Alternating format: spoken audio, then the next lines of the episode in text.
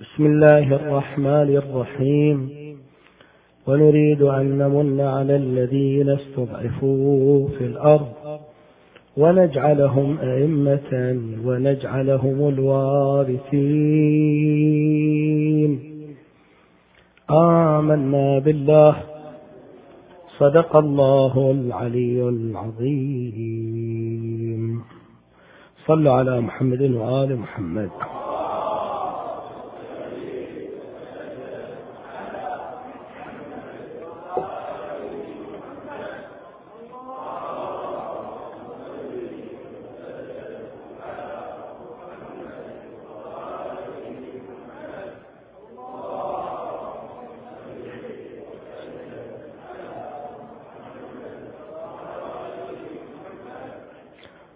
هذه الآية المباركة طبقها الإمام الصادق عليه السلام على خروج وظهور الإمام الحجة سلام الله عليه. وظهور الإمام لا بد منه. ووردت في كيفية خروجه روايات كثيرة. نتبرك اليوم بقراءة بعضها. المصدر في كامل الزيارات من أهم الكتب عندنا. الرواية عن أبان بن تغلب عن الإمام الصادق عليه السلام. يقول كأني بالقائم على نجف الكوفة وقد لبس درع رسول الله صلى الله عليه وآله. رسول الله عنده درعان. درع عام للأئمة. يلبسه الإمام الباقر فيستوي عليه. يلبسه الإمام الصادق فيستوي عليه. يلبسه الإمام زين العابدين فيستوي عليه. طويل قصير يتعدى. هذا درع. ودرع خاص بالإمام الحجة عليه السلام. يلبسه فقط الإمام الحجة. فالإمام الصادق يقول كأني بالقائم على نجف الكوفة وقد لبس درع رسول الله صلى الله عليه وآله فينتفض هو بها فتستدير عليه. يتعذب. فيغشيها بحداجة من استبرق ويركب فرسا أدهم بين عينيه شمراخ فينتفض به انتفاضة لا يبقى أهل بلد إلا وهم يرون أنه معهم في بلادهم.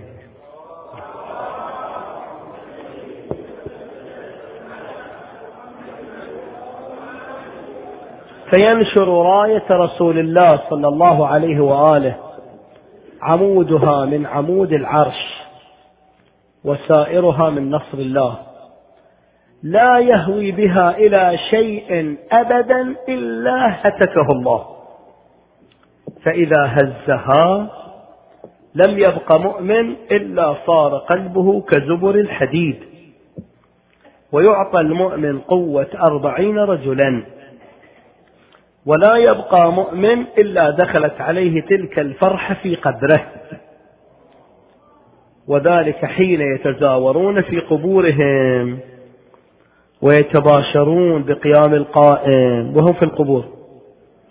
فينحط عليه ثلاثة عشر ألف ملك وثلاثمائة وثلاثة عشر.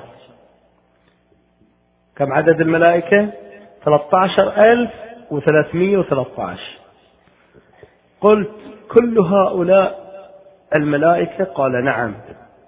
ثلاثة عشر ألف وثلاثمائة وثلاثة عشر الذين كانوا مع نوح في السفينة والذين كانوا مع إبراهيم حين ألقي في النار والذين كانوا مع موسى حين فلق البحر لبني إسرائيل والذين كانوا مع عيسى حين رفعه الله إليه وأربعة آلاف ملك مع النبي مسومين وألف مردفين وثلاثمائة وثلاثة عشر ملائكة بدريين وأربعة آلاف ملك هبطوا يريدون القتال مع الحسين عليه السلام فلم يؤذن لهم في القتال.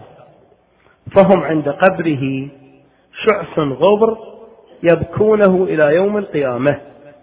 ورئيسهم ملك يقال له منصور فلا يزوره زائر إلا استقبلوه ولا يودعه مودع إلا شيعوه ولا يمرض مريض إلا عادوه.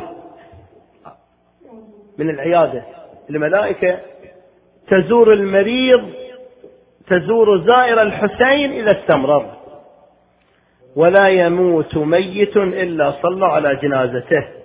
واستغفروا له بعد موته. وكل هؤلاء 13 ألف وثلاثمية وثلاثة في الأرض ينتظرون قيام القائم إلى وقت خروجه.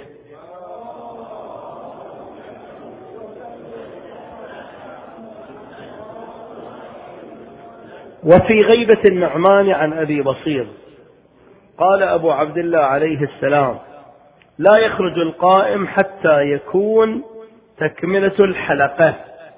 قلت وكم الحلقة؟ قال عشرة آلاف.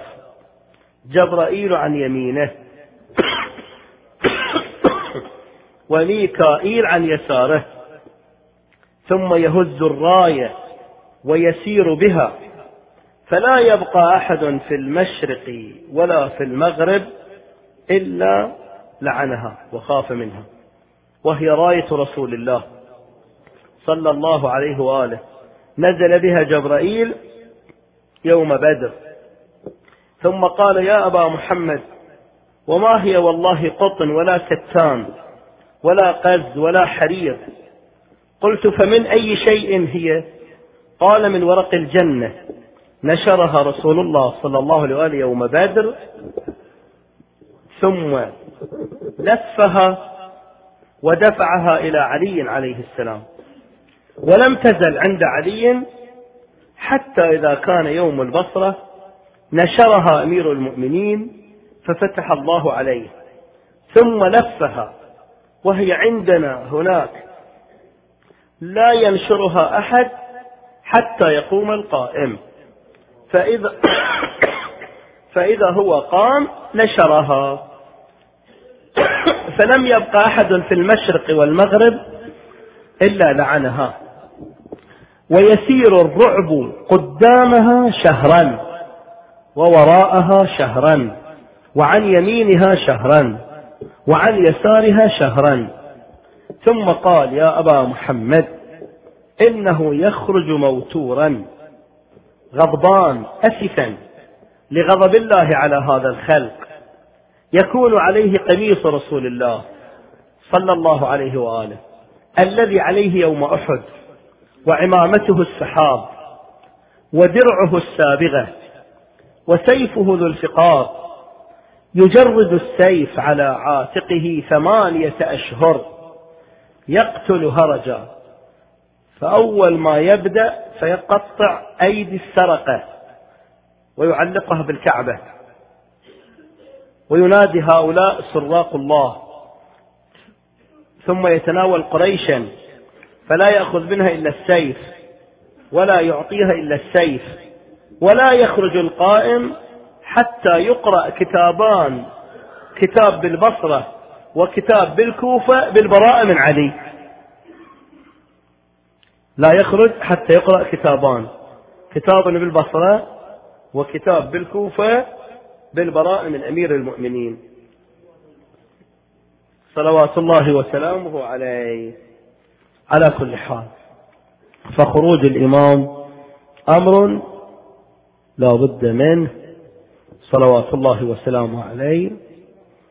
يأتي إلى مكة أولا ويقيم فيها ما شاء الله. إلى أن يحدث الخس الذي وعد به رسول الله. صلى الله عليه وآله جيش السفياني يخرج من الشام ويأتي إلى المدينة المنورة ويعثو في المدينة فسادا وتروث بغالهم في حرم رسول الله ويسجن كل علوي لأنه يحتمل أنه الحجة من الحسن فهو يسجن كل علوي و وفي بعض الروايات ويسجن كل الشيعيين منتمي لمذهب أهل البيت إلا من أخفى نفسه. ثم يسمع أن الحجة بن الحسن في مكة فيسير جيشا كبيرا عظيما إلى مكة. وهناك بعد مسجد الشجرة بمسافة نعم يحدث الخسف الخسف بالبيداء. يخسف الله بها.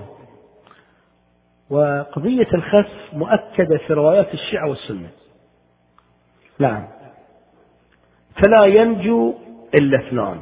شخص يرجع إلى المدينة ويخبر بالخسف وشخص يذهب إلى مكة المكرمة.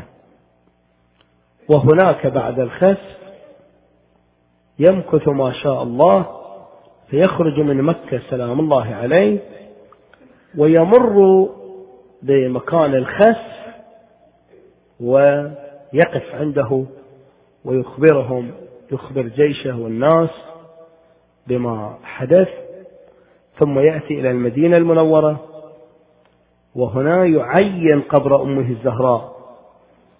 قبل خروج الإمام سيظل هذا القبر مخفيا. لا ينبش ولا يدرى. نعم. فيعينه ويبكي. وتقام هناك المآتم على الزهراء عليه السلام. نعم. ويعمل أشياء جبارة في المدينة المنورة. لا نستطيع أن نفصلها. خصوصا على المنبر ما نقدر نفصلها أعمال جبارة كبيرة. ثم يخرج من المدينة ويروح إلى إيران. سلام الله عليه. ويلتقي هناك بالخراساني ويسلم له الأمر. الخراساني يسلم الأمر للإمام الحجة صلوات الله وسلامه عليه. نعم. ويمكث ما شاء الله ثم يأتي العراق يأتي إلى البصرة. في قباب مخفية لأن الوضع لا يكون مستقرا ويحدث في البصرة قتال ثم يأتي إلى السهلة ويقيم هناك في السهلة. نعم يكون مسكنه في الكوفة. وقضاؤه في المسجد ويصلي الجمعة ويضيق مسجد الكوفة فيبني مسجدا يقول الشيخ الطوسي يبني مسجدا له ألف باب بين كربلاء والنجاة فيقيم فيه الجمعة. نعم ويعلم الناس تأويل القرآن. تأويل القرآن. الآن الموجود عندنا تفسيره. والتفسير الكشف الظاهر عن معاني القرآن. والقرآن الكريم للآية الواحدة باطن ولبطنها باطن إلى سبعة بطون. وفي رواية إلى سبعين بطنا. نعم في أعماق الآية الواحدة.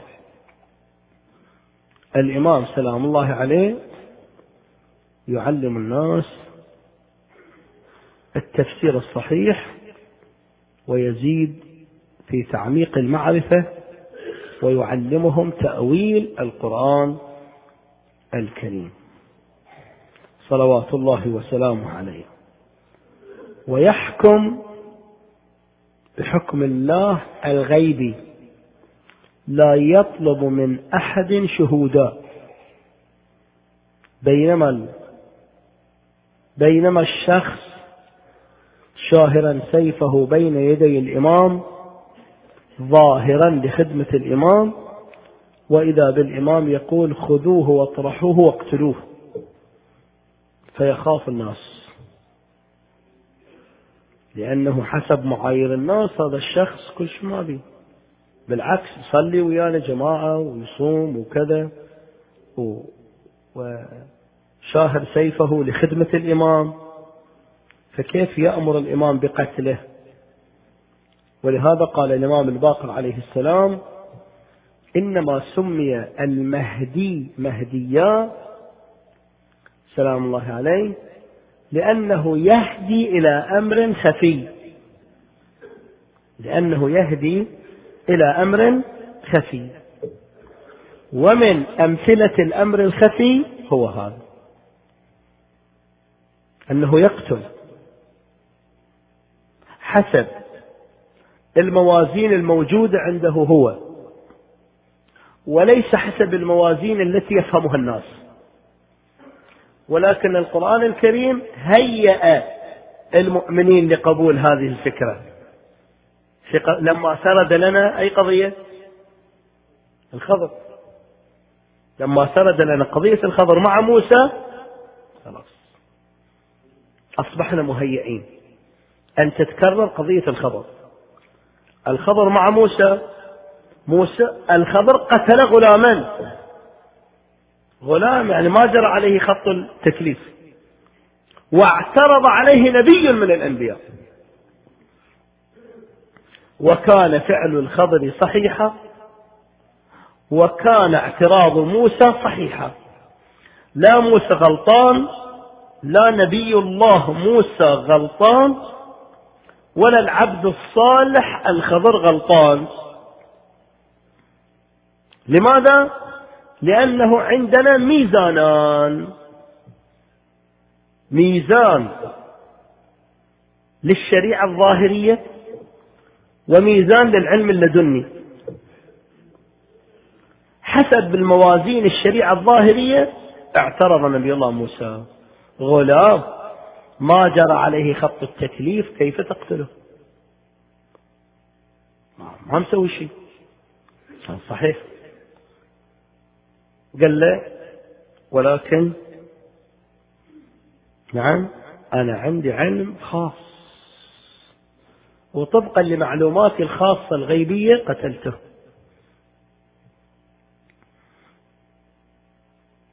هذا مثال في القرآن.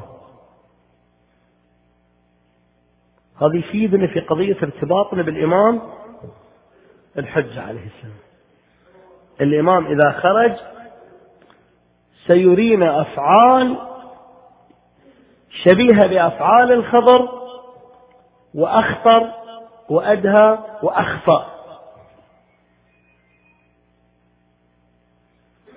البارحة واحد يعني عندنا نقص إحنا الشيعة حقيقة. واحد قالوا له الآن إذا الإمام يقول لك اقتل نفسك تقتل نفسك؟ قال لا ما يصير. إذا قال جاهد وياي إسرائيل إيه أما يقول لك اقتل نفسك ما يصير ما طاوعة.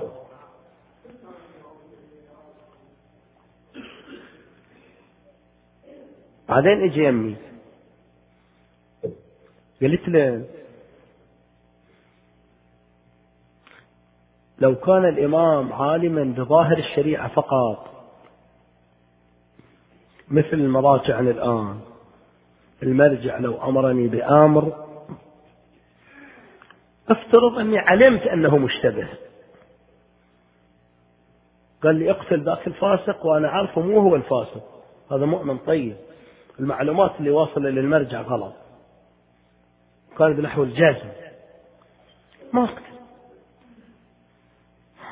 أما بالنسبة للإمام الإمام علومه مو ظاهرية. عنده علم بالواقع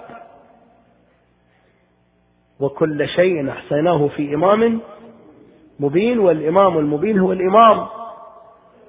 سلام الله عليه. وعنده عصمة.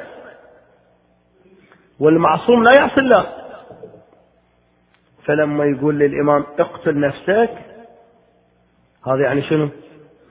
أنه عالم بالمصلحة عالم بالمصلحة وعامل بتكليفه. حينما أمر فإذا كنت أنا أعتقد بعصمته وبعلمه يجب علي ماذا؟ ها؟ أن أن أطيع نعم مثل القصة اللي مر عليك قصة أبي بصير مع الخراساني اللي دخل على الإمام عليه السلام الخراساني وقال له لك في خراسان مئة ألف سيف قال أنت واحد منهم؟ قال له نعم. قال له ارمي بنفسك في التنور. قال له ما يصير ما بمعقولة. ما بمعقولة أرمي بنفسي بالتنور. شو مسوي أنا؟ من شيعتك. أنا من شيعتك. ليش تخسر واحد؟ قال له زين أقعد. فدخل أبو بصير. قال الإمام قال لأبي بصير ارمي بنفسك بالتنور. رأسه رفع الغطاء ورمى بنفسه. قال له الإمام قال للخراساني عندي مئة ألف مثل هذا. قال إذا تدور على هالنوعيات لا تتعب ولا واحد. طاعة عمياء ارمي بنفسك ارمي بلا سؤال بلا نقاش بلا ليش بلا شو مسوي. طبعا هذا اللي عنده استعداد يقتل نفسه. ها؟ فقتله لغير نفسه هذا من باب شنو؟ أولى بعد. إذا الإمام يقول له اقتل ولدك اقتل أباك خلاص بعد ما يتردد. أنتم ثقوا بأن الإمام لن يأمر أمرا يخالف حكم الله تبارك وتعالى. ولكن الإمام يقول المطلوب من الشيعة أهل البيت أن يبايعون على قتل أنفسهم وآبائهم وأن ينفقوا كل أموالهم. والقرآن الكريم في قضية بني إسرائيل بين أنه لما صدرت منهم ذنوب قالوا لهم اقتلوا أنفسكم. ها؟ منين صدر أمر إلهي يقتل نفسه صدر. ودخلوا في مكان مظلم وكل واحد عنده سيف أو سكين ويقتل اللي قباله. صارت هذا اقتلوا أنفسكم. صارت. إذا تريدون التوبة تريدون الله تعالى يتوب عليكم اقتلوا أنفسكم. صارت. لعل الله يمتحن هذه الأمة. شو مدري. لكن تشخيص هذا الامتحان يكون بيد الإمام سلام الله عليه الذي يظهر وعنده راية رسول الله راية خاصة ليست من الكذا أوراقها أو من الدنيا وإنما هي من الجنة. هي عند رسول الله أعطاها أمير المؤمنين نشرها يوم البصرة وبعدين هي عند الأئمة واحدا بعد واحد ها؟ والآن هي عند الإمام الحجة صلوات الله وسلامه عليه. نعم؟ بعد السهلة بعد ما يحكم في العراق مدة ما شاء الله قرابة سنة أقل أكثر. نعم؟ وعنده موازين جديدة. الإرث يورث الأخ من أخيه لكن الأخوة معناها غير. الأخوة لليوم من اجتمعت معه في صلب أو باطن أخوي من أمي يرثني من أبوي يرثني. لكن أخي في الله الذي لا يجمعني معه نسب لا يرثني ولا أرثه. إذا خرج الإمام الحج عليه السلام نعم يرثك أخ لم تلده أمك ولا أبوك. نعم. وأنت ترث من أخ لك في الله لم تلده أمك ولا أبوك. قوانين هذه يطبقها. هناك أحكام جديدة سيعلنها الإمام الحج عليه السلام. بعضهم يتساءل هل سيأتي بشريعة جديدة؟ نعم. بقرآن جديد؟ نعم. بسنة جديدة؟ نعم. لكن ليس قرآن غير قرآن جدة. هو هذا القرآن هذا القرآن هو هذا. هو هذا الموجود في المسجد المطبوع في المدينة المنورة هو هذا. يرتب الإمام من حيث الآيات تقديم وتأخير يرتبه. الآن هذا القرآن ما مرتب حسب النزول. ما مرتب حسب النزول. هذا القرآن هو القرآن بلا زيادة ولا نقيصة لكن ما مرتب من حيث النزول. القرآن المرتب حسب النزول جمعه أمير المؤمنين بعد وفاة رسول الله صلى الله عليه وآله جمع القرآن حسب النزول ووضع تحت كل آية أمرين. وضع تحت كل آية تفسيرها والعلوم التي تستخرج منها. تفسيرها والعلوم التي تستخرج منها. فجاء به سلام الله عليه إلى المسجد. الكافر كلين قال له ها علي بن أبي طالب. شو تريد؟ جماعة قاعدين. أهل الحل والعقد. قال أريد أن أدخل. قالوا له وحدك. حياك الله. وحدك. تدخل ونتشاور في الأمر ناخذ برأيك وقد نرده. أنت واحد منا تصير. ما تصير لك حجية وعلائية وفوقانية و... لا لا لا لا واحد منا وفينا. قال وحدي ما أدخل إلا مع القرآن الذي أنا جمعته. قل أنا مع قرآنك ما أريدك. نعم ما أريدك. أؤكد. السيد الخوي رحمه الله في كتابه البيان يقول هذا القرآن اللي عند علي بن أبي طالب. أؤكد. هذا سيد الطائفة يقول. يقول لا يزيد في آياته وفي حروفه على الموجود الآن المطبوع في المدينة المنورة ما يزيد. هي الآيات هي الآيات والسور هي السور. ولكن يختلف من حيث شنو؟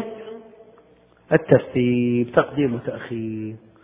وفيه تفسير وفيه تأويل والعلوم التي تستخرج من الآية المباركة. نعم.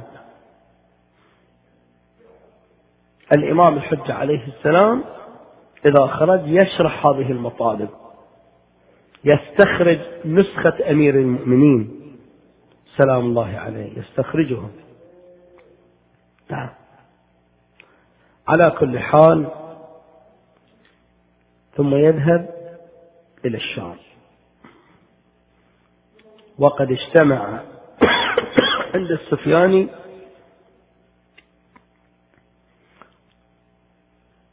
اجتمعت عنده الجيوش وتكاملت وتنامت عنده الآلات والعدة. والغرب يمد السفياني بكل ما يستطيع لأنه يعرف الذي سيواجه الإمام. الإمام يطلب الاجتماع بالسفياني فيقبل ويقنعه فيؤمن بالإمام الحجة. ويبايع الإمام الحجة. ثم يذهب إلى جيشه فيوبخونه ويعيرونه. فينكث بيعة الحجة. يمكثها ويبدأ الحرب. التي لم يحدث مثلها منذ آدم إلى ذلك اليوم. اليهود والنصارى والعرب المشركون والمخالفون للإمام الحجة كلهم يشتركون. والمؤمنون ومعهم الملائكة. ويحدث قتال شديد. الملائكة تشترك. الصخر يشترك. إذا اختبأ يهودي أو نصراني وراء صخرة ومر مسلم نطقت تلك الصخرة. تعال. اختبأ وراء يهودي نصراني. فيأتي ويقتله. ينتصر الإمام ويذبح السفياني. بعد حتى لو أظهر الندم ما ينفع. يذبحه. ويدخل بيت المقدس ويفتتحه. صلوا على محمد وعلى محمد. اللهم صل على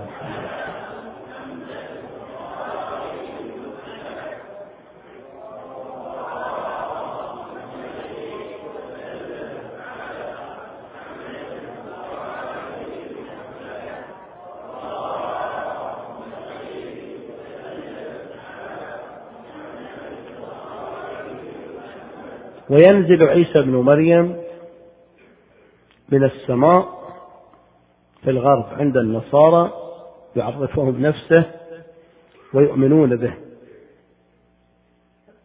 ثم يأتي إلى القدس ويلتقي بالإمام الحجة. الإمام الحجة يستخرج التوراة الأصلية لليهود ويستخرج الإنجيل للنصارى. نعم. من أماكن مغيبة في الجبال يستخرجها يقرأها عليهم يؤمن به الكثير. نبي الله عيسى يبايعه ويعمل كموظف عند الإمام. بس يعطيه الوظيفة اللي تناسبه كنبي ورسول. ويحضر وقت الصلاة هذه كل الروايات تقول. ويؤذن المؤذن والنبي عيسى والإمام الحجة في صف واحد المحراب خالي.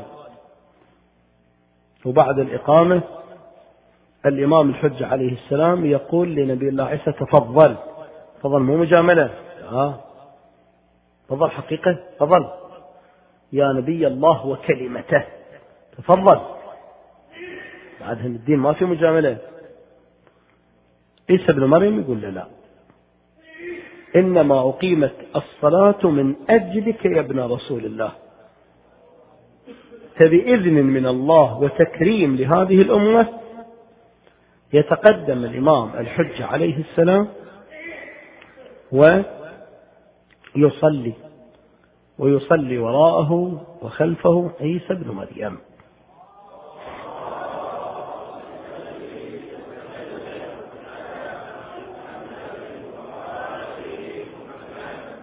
وتظلله غمامه وفيها ملك ينادي هذا خليفة الله فاسمعوا له وأطيعوا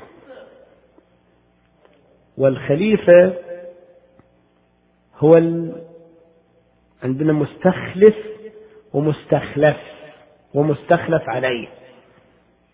خليفته الذي يقوم مقامه فعلى يدي الإمام يظهر الله علمه ويظهر الله كراماته ويظهر الله تعالى قدرته. نعم. وينشر العدل في الأرض كلها. يوزع على أصحابه سيوف بس سيوف خاصة. فيها كمبيوتر فيها كذا حكى سيوف كل سيف مكتوب عليه ألف كلمة. من كل كلمة تنفتح آفاق من العلم. ويوزع القضاة في الأرض كلها ويقول للواحد منهم نعم اقضي بين الناس فإذا عجزت عن مسألة من المسائل انظر إلى كفك. إذا واحد يسألك مسألة ما عرفت الجواب انظر إلى كفك وترى الجواب. نعم. جلت عظمة الله. ويرسل بعض أصحابه ليقضي بين الملائكة. قد تقول شلون؟ الملائكة يعصون؟ لا. يختلفون؟ لا. يتكاملون؟ إيه؟ يتكاملون. يتكاملون. نعم. ويبث في الناس 25 حرف من العلم. والله إذا عندك الآن حرفين وأنت وصلت إلى السماء اليوم العلماء صعدوا إلى القمر بهالحرفين. بال 25 إيش بيسوون؟ ستتصل لعله المجرات. الله أعلم ما ندري. ماذا سيحدث؟ والناس تتحدث مع الملائكة. ومع الأنبياء. نعم. لو أردت أن تتحدث مع إبراهيم الخليل مع نبي الله موسى تقدر. في عصره صلوات الله وسلامه عليه. نعم. ويكون المجتمع مجتمعا مثاليا يتكامل تدريجا إلى أن يصل إلى درجة المجتمع. إلى أن يصل إلى درجة من درجات العصمة. يكون المجتمع معصوما وتحدث الرجعة. ويخرج الإمام الحسين. سلام الله عليه. ويعمل مع ولده الإمام الحجة. الله يرحمه سيد الإمام الخميني. يقول وقد ثبت أن الأنبياء جميعا يرجعون إلى عالم الدنيا. 120 ألف نبي. مكان أكو ورزق أكو. قالوا له يعني 120 ألف. كلهم يحكمون. قال ما يختلفون. يقول إحنا العلماء ليش نختلف؟ لأن أنا عندي حكم ظاهري. فأختلف مع صاحب الوسائل. أنا أقول قصر بقول تمام. أنا أقول هل البيت لفلان أنت تقول لفلان. حسب البينة حسب الشهود حسب الموازين. وحينما نختلف نحن العلماء يقول حكم الله واحد. أصابه واحد وأخطأه الآخر. الأنبياء يعرفون حكم الله ولا لا؟ يعرفونه فما يختلفون. وبعد غير علماء العظام القضاة العاديين ليش يختلفون؟ يختلفون لأن بعضهم يحب الرئاسة. فأنا إذا أشوف قاضي بزاحمني ما أرضى. حتى لو كان الحكم واحد ما أرضى واحد يزاحمني للتوقيع هو اللي يمشي. زين؟ الأنبياء عندهم تقوى يعتزون بالله وبعبادة الله ويحكمون بالعلم والتقوى فلا يختلفون. ما يختلفون. ولا أحد يزعل على أحد لا إبراهيم يزعل على موسى ولا موسى يزعل على إبراهيم. أنا عندي مسألة مشكلة حلها إبراهيم؟ جزاه الله خير. نبي الله إبراهيم. أو حلها نبي الله موسى كل واحد. الحكم واحد ومعلوم. زين؟ والتقوى موجودة. لا يريدون علوا في الأرض ولا استكبارا. واضح؟ مية وعشرين ألف نبي سيخرجون. بس الإمام هو اللي طهرها.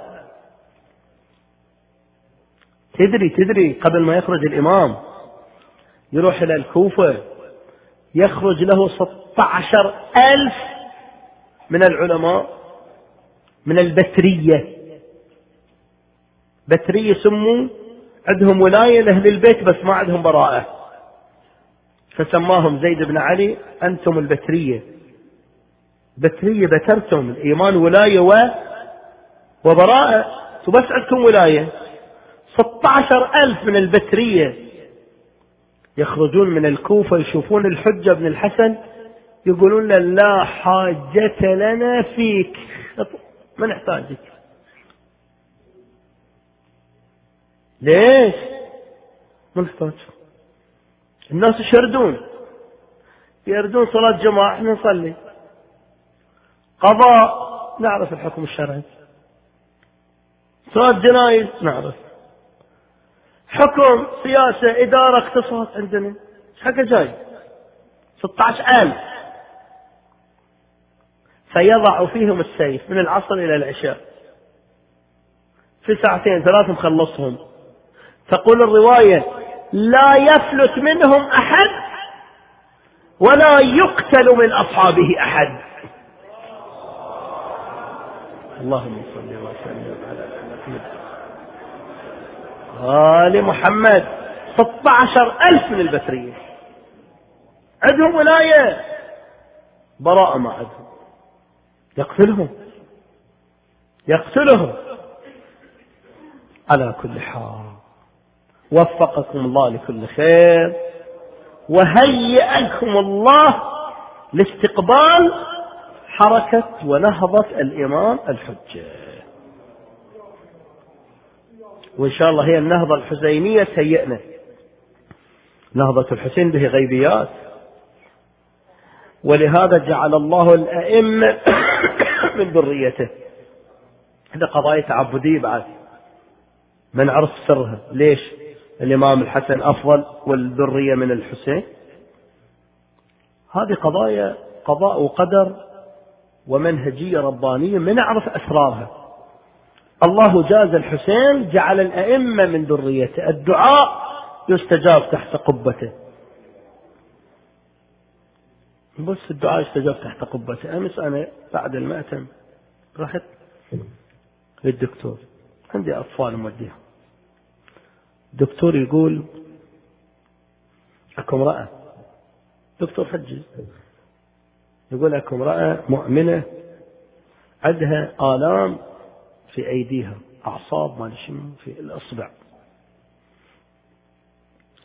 قررت لها الأطباء إجراء عملية. قالت لا أريد إجراء العملية. قال ما عندنا علاج آخر. عندها آلام في الأصبع الإبهام وكذا. ضاغط ما شو يسمونه الأطباء.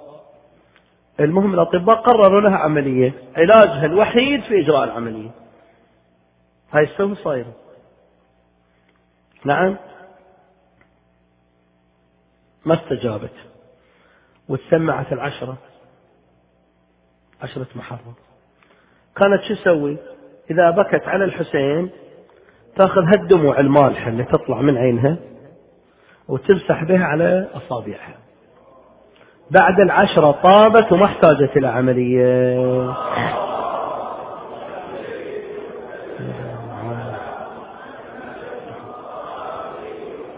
والمرأة معروفة.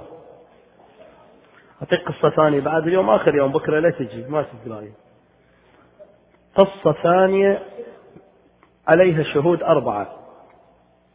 دكتور حجي زويد من الحليل الدكتور منير البكش دكتور صادق العمران دكتور جابر الحري هاي كلهم الأربعة أحساوية.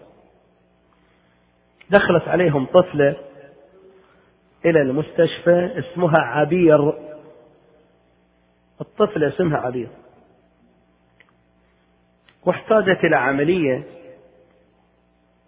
فأجريت لها عملية. وطبيب التخدير صار عنده تقصير. تعرفون التخدير؟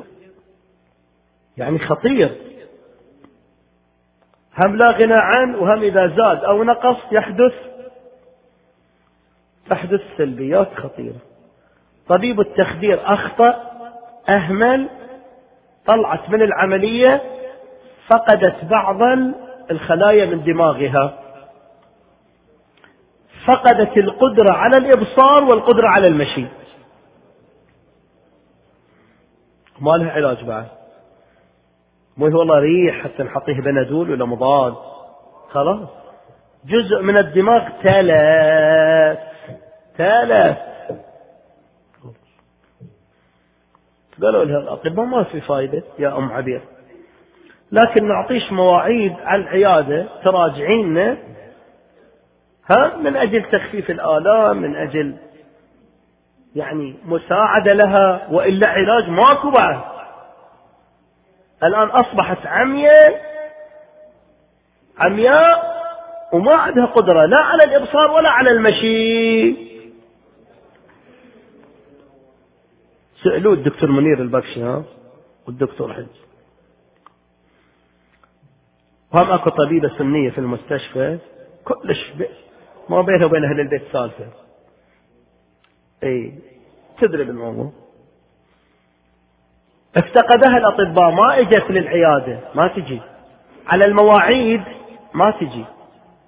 مدة يوم من الأيام الدكتور جابر الحبيب شاف الطفلة الطفلة هم تمشي هم تشوف.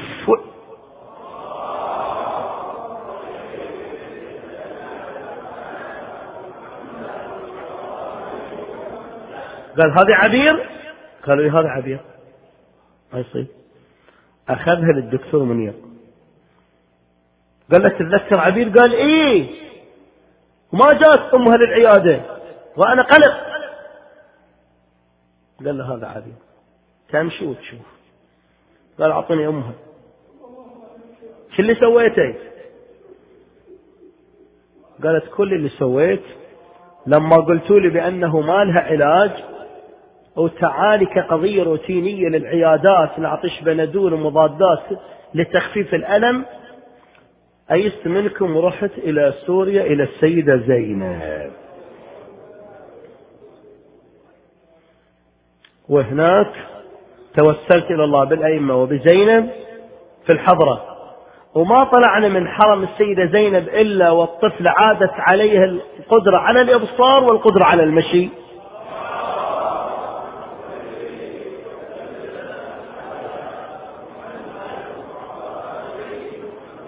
يقول دكتور منير يقول فأرسلت على الدكتورة الصنية يعرفونها؟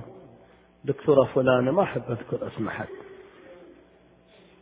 يقول قلت لها أنت تعرفين عبير؟ قالت إيه ملفه كان عندنا. قال لها شوفيها قال شلون طابت؟ إحنا مقررين ما ما لها علاج. قال هو أنا أريد تعترفين إن إحنا قررنا إن ما لها علاج. أنا أريد تعترفين بهالحقيقة. إحنا كأطباء كبار واستشاريين قلنا ما لها علاج. شلون طابت؟ شرح لها الدكتور منير. هناك اكو طب إلهي غيب التوسل إلى الله بأهل البيت.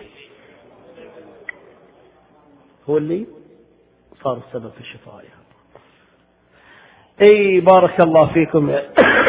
يا شيعة أهل البيت. اليوم زينب وين اليوم؟ أم المعاجز والكرامات في الكوفة اليوم.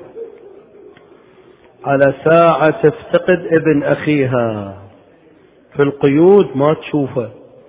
بعد هذه عالمة غير معلمة الإمام الرضا قال والكشي قال الرواية في الكشي وفي الكافي الإمام لا يغسله إلا إمام. قالت راح لدفن والده الحسين. وراح للحسين وشاف بني أسد واقفين محتارين سألهم قالوا جئنا لنتفرج. وزاد الألم على الإمام. يعني حتى من دفنك يخاف. بس قتلوه لك خليه بذل لا يخافون من من دفنك. يا أبا عبد الله فبكى الإمام السجاد وإماما. آلامات الفتى المعزوز يا الطير زلزاله لامات الفتى المعزوز يا الطير زلزاله ناس تفصل اجفانه وناس تجيب شياله وابو سكن الغيور حسين يدوس الشمر يا الله. حير حالة السجار من جايب فنا والآل مد العشر بيشيله لبال الجسد. أنعينك؟ قال لا إن معي من يعينني. مد العشر بيشيل لبال الجسد ينشال. شال وظلت الأعضاء تتساقط على الأوصال. نادى يا عزيز الروح ذبحك ضيق الأنفاس وإمامه أودعه في قبره ثم قال أبا عبد الله أما الدنيا بعدك مظلمة وأما الآخرة فبنورك مشرقة. أما حزني فسرمد وليلي فمسهد أو يختار الله لأهل بيتك دارك التي أنت بها مقيم. وعليك مني السلام ورحمة الله وبركاته. ودفن معه طفله الرضيع جث بلا راس. وإماما وغطلت وغطى القبر بالتراب وكتب هذا قبر الحسين. ابن علي بن أبي طالب الذي قتل غريبا عطشانا. غاغا ثم حفروا حفر للأكبر عند رجلي الحسين. ودفنوا الأكبر ودفنوا الأنصار. الله أكبر. أجسامهم ما تغيرت. يسألون آية الله الشيخ التبريزي الجسم عادة يتغير يتعفن بعد يوم يومين. قال لهم قال لهم جسم إبراهيم ما أثر فيه الحديد ولا النار. فكيف والحسين أفضل من إبراهيم؟ لا تؤثر عليه لا تؤثر عليه طول المدة. هو العلة في استنارة هذا الخلق. وكذلك أصحابه ما أكلت الأرض أجسادهم ولا غيرت الشمس روائحهم. دفنوا الأنصار دفنوا حبيب ثم قال هل بقي أحد وهو العليم؟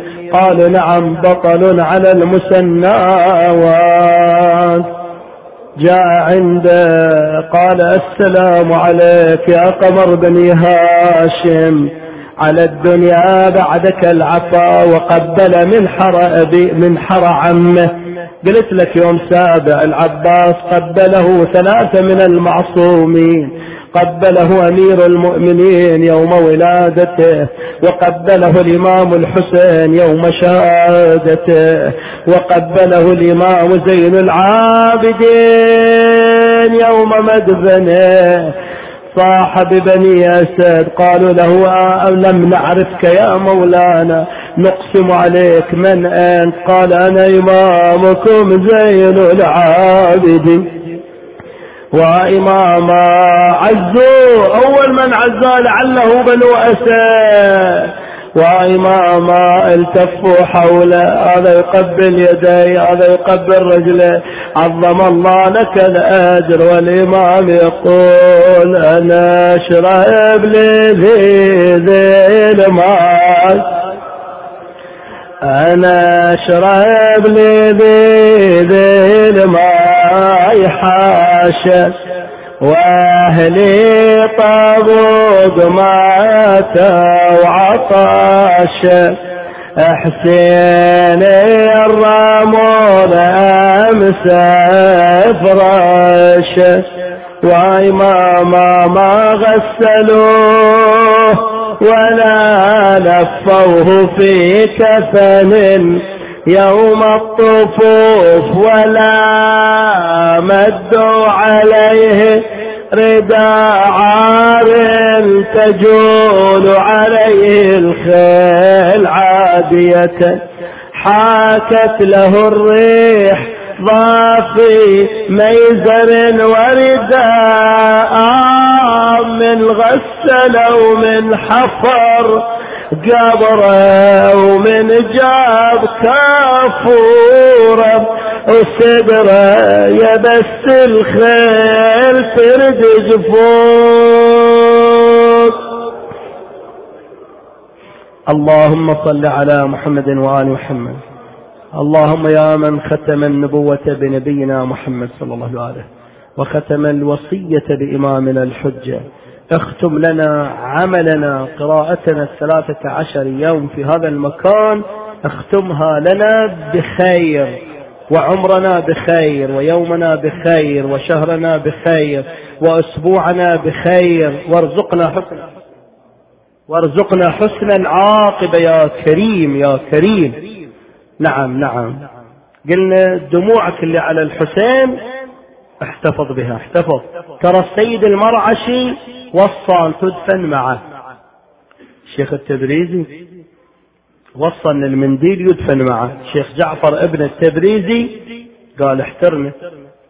مات أبوي في طهران والوصية ندري بها وحاولنا نبحث عن المنديل ما شفناه. ما حصلنا المنديل. وشلون؟ تنفيذ الوصية واجب. احترمه. فلان غسل كذا ها؟ وطلعنا الكفن اللي أعده لنفسه. أريد نكفنه فرأينا المنديل الخاص هو بنفس مخيطة الكفن. هذا تختبه هالدموع هذه مثل ما قلت لك. هذه دموع الحين لو تبكي على أمك على أبيك على فلوسك تبكي بكاء هي ما لها قيمة. سائل أم مالح. لكن من تخرج ها؟ على الحسين؟ تدخل والدعاء يستجاب. نعم. هذه الدموع تمسح بيها على وجهك على إيدك تطيب دموعك إمتى نعم. ولهذا الكثير من المؤمنين يسأل منا الدعاء وأنا على المنبر. الآن في جماعة يشاركونكم في الاستماع حقيقة. الأيام العالم كله صاير قرية واحدة. أنت الآن في الجامع في هذا الجامع المبارك ومعك في المأتم ناس من أمريكا من أستراليا من عدة بلدان الآن. الآن وياك يستمعون. فطلبوا منا الدعاء لهم ولكم. بسم الله الرحمن الرحيم. اللهم صل على محمد وآل محمد. أما يجيب المضطر إذا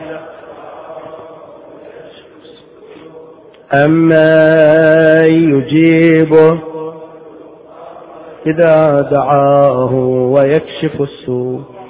أما يجيب المضطر إذا دعاه ويكشف السوء. أما يجيب المضطر إذا دعاه ويكشف السوء. أما يجيب المضطر إذا دعاه ويكشف السوء. أما يجيب المضطر إذا دعاه ويكشف السوء. أما يجيب المضطر إذا دعاه ويكشف السوء. أما يجيب المضطر إذا دعاه ويكشف السوء يا الله. صل على محمد وآله. من على مرضانا بالشفاء والصحة والعافية. من سألنا الدعاء اللهم اكشف كربهم اقض حوائجهم. من على عليهم بقضاء حوائجهم الدينية والدنيوية. ما كان لك فيها رضا ولنا ولهم أجر وثواب. احفظ جميع شيعة أهل البيت. في الأحساء وفي العراق وفي الأردن وفي فلسطين وفي أمريكا وفي أستراليا وفي كل بقاع الأرض. ثم احفظ جميع المسلمين. واكفنا وإياهم شر الإرهابيين والتكفيريين. إنك على كل شيء قدير. وفقنا لخدمة أهداف أهل البيت. لبيك يا حسين لبيك يا حسين لبيك يا حسين. وعودة إلى المنابر إن شاء الله وإلى المآتم في السنة الآتية. بإذن الله تعالى. موفقين ومشكورين.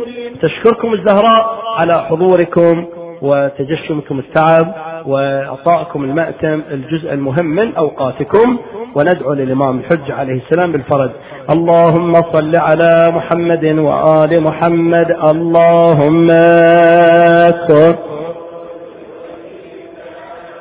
حجة ابن الحسن صلواتك عليه وعلى آبائه في هذه الساعة وفي كل ساعة وليا وحافظا وقائدا وناصرا ودليلا وعينا حتى تسكنه أرضك طوعا وتمتعه فيها طويلا برحمتك يا أرحم الراحمين.